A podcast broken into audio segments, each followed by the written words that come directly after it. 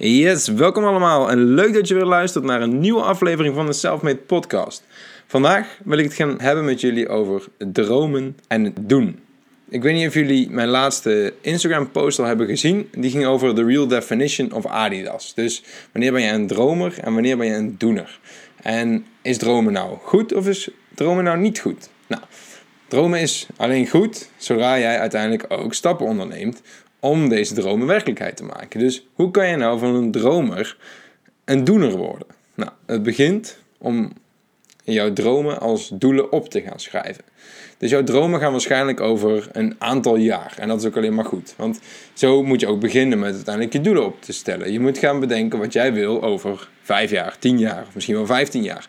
Hoe wil jij dat jouw leven er dan uitziet?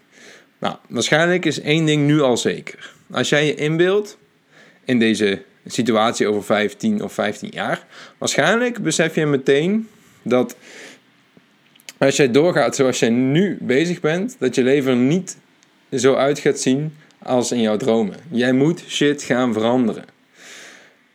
Jij bent gewoon een dromer die nog niet doet, in plaats van een dromer die ook een doener is. Dus wil jij deze dromen werkelijkheid gaan maken? Ga dus die doelen opstellen en hak die doelen voor de lange termijn ook in kleinere stukjes, zodat je ook iets hebt om naartoe te werken. Een doel voor over 15 jaar. Hoe werk je daar in godsnaam naartoe? Wat ga je dan morgen doen? Of volgende week doen of volgend jaar? Geen idee. Dus hak het op in kleine stukjes. Dus om hier over 15 jaar of 5 of 10 of wat jij in je hoofd nou ook hebt, om hier dan te zijn, Maak een logische trap van jouw rit naar jouw doelen. Dus begin bij het begin, maar zorg dat jouw stappen wel groot genoeg zijn. Dus ga doelen opstellen voor over eh, drie maanden, zes maanden, één jaar, twee jaar, vijf jaar. Gewoon kleinere stapjes. Dus dan kan je ook meten uiteindelijk of jij goed bezig bent en of je op weg bent naar jouw doel. Want als je een doel niet stelt, ga je het nooit behalen. Want een doel moet gewoon heel hoog zijn. Hij moet haalbaar zijn, maar wel heel hoog. En jij gaat niet zonder een doel te stellen per ongeluk een heel hoog doel halen. Nee, dat, dat, dat gebeurt gewoon niet. Dat gebeurt alleen als jij daar bewust naartoe werkt. Dus schrijf je doelen op en meet deze trap ook. Dus als jij binnen vijf jaar op 100% wil zitten, zegt dat 100% jouw doel is.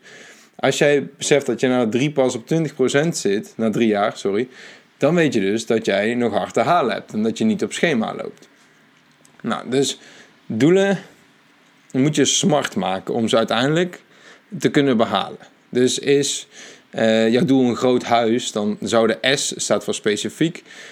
Beschrijf dan elke kamer van jouw huis. Wil jij een zwembad? Wil jij een sauna? Wil jij een open keuken? Wil jij een, een hoekbank? Weet ik veel wat. Ben super specifiek in jouw doelen, zodat je weet waar je naartoe werkt. Is jouw eh, doel een dikke auto? Welke auto is het? Welke kleur? Uh, welke features? Welke motor? Weet ik veel. Specifiek, zo specifiek mogelijk. Is jouw doel een financieel doel? Beschrijf dan het precieze bedrag dat je wil verdienen. SMART is dus uh, een afkorting voor hoe jij je doelen opstelt, zoals ik net zei. Nou, de S, wat ik net zei, is specifiek. Dus voor een financieel doel beschrijf het precieze bedrag. De M is van meetbaar.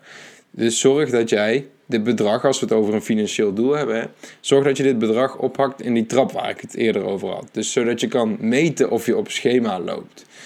Ben jij op 20% of ben jij op 50% na drie jaar?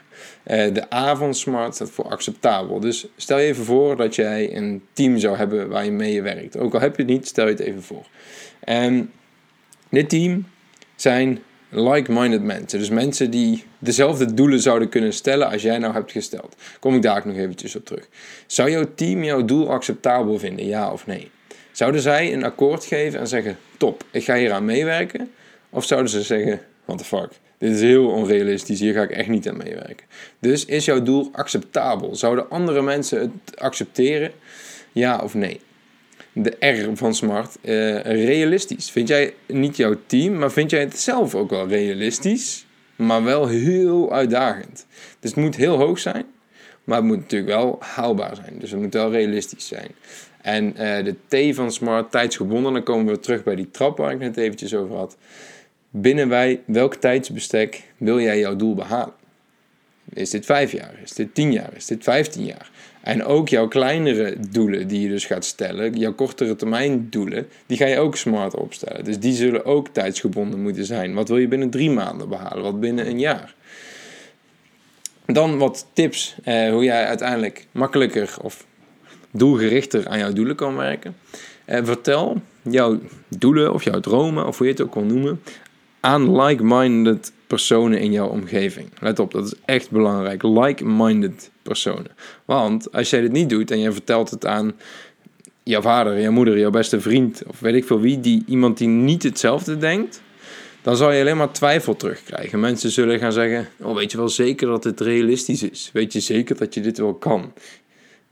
Dit heeft alleen maar een negatief effect op jou en heeft dus geen zin om jouw doelen of dromen aan deze mensen te vertellen. Vertel het dus alleen aan iemand die ook zo groot durft te denken als jij durft te denken. Dus een like-minded persoon. En die persoon of personen aan wie jij het vertelt, zie die ook als jouw accountability partner. En maak hierover afspraken met elkaar. Dus um, stel mijlpalen op en check of jullie op schema lopen of dat doelen aangepast moeten worden. Dus die mijlpalen, dat zijn die trappen.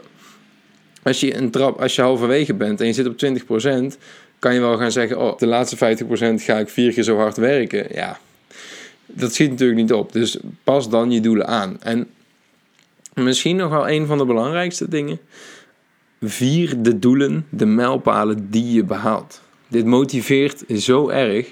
En het is ook heel goed om stil te staan bij de stappen die je maakt. En de dingen die je uiteindelijk daarvoor terugkrijgt. Dus die je behaalt. Mensen vergeten dit vaak en die gaan gewoon door en door zonder ergens bij stil te staan en te beseffen hoe hard ze gaan. Dat is eigenlijk zonde, want die stappen te behalen, die doelen behalen, dat is toch heel de reden waarom jij ze op hebt gesteld. Dus dit moet je vieren. Met je accountability partner, met wie dan ook, vier je mijlpalen. En als laatste, schrijf deze doelen ergens op waar jij het elke dag ziet. Elke dag. Als je uit bed komt, voor weet ik veel wat, in de douche, ik zeg maar wat. Als je dat doet, word je er gewoon elke dag aan herinnerd om hier aan te werken. En als je er niet aan werkt, baal je er ook van als je het niet hebt gedaan. Dan ga je naar bed en je hebt een dag niks gedaan, denk je fuck, niet aan mijn doel gewerkt. Dus dat gaat uiteindelijk alleen maar motiveren om elke dag aan jouw doel te werken. Dus zorg dat je altijd blijft dromen, want dromen is goed. Maar zorg dat je ook een plan in werking stelt om deze dromen werkelijkheid te maken. Dus zonder dit te doen zal je altijd een dromer blijven die gewoon aan de zijlijn staat en toekijkt hoe andere mensen hun dromen realiteit maken. Dus word een dromer die doet en jij zal echt heel ver gaan komen. Ik hoop dat deze podcast jou wat motivatie heeft gegeven of wat misschien inzicht heeft gegeven in oké, goh, ik ga nou echt mijn doelen opstellen.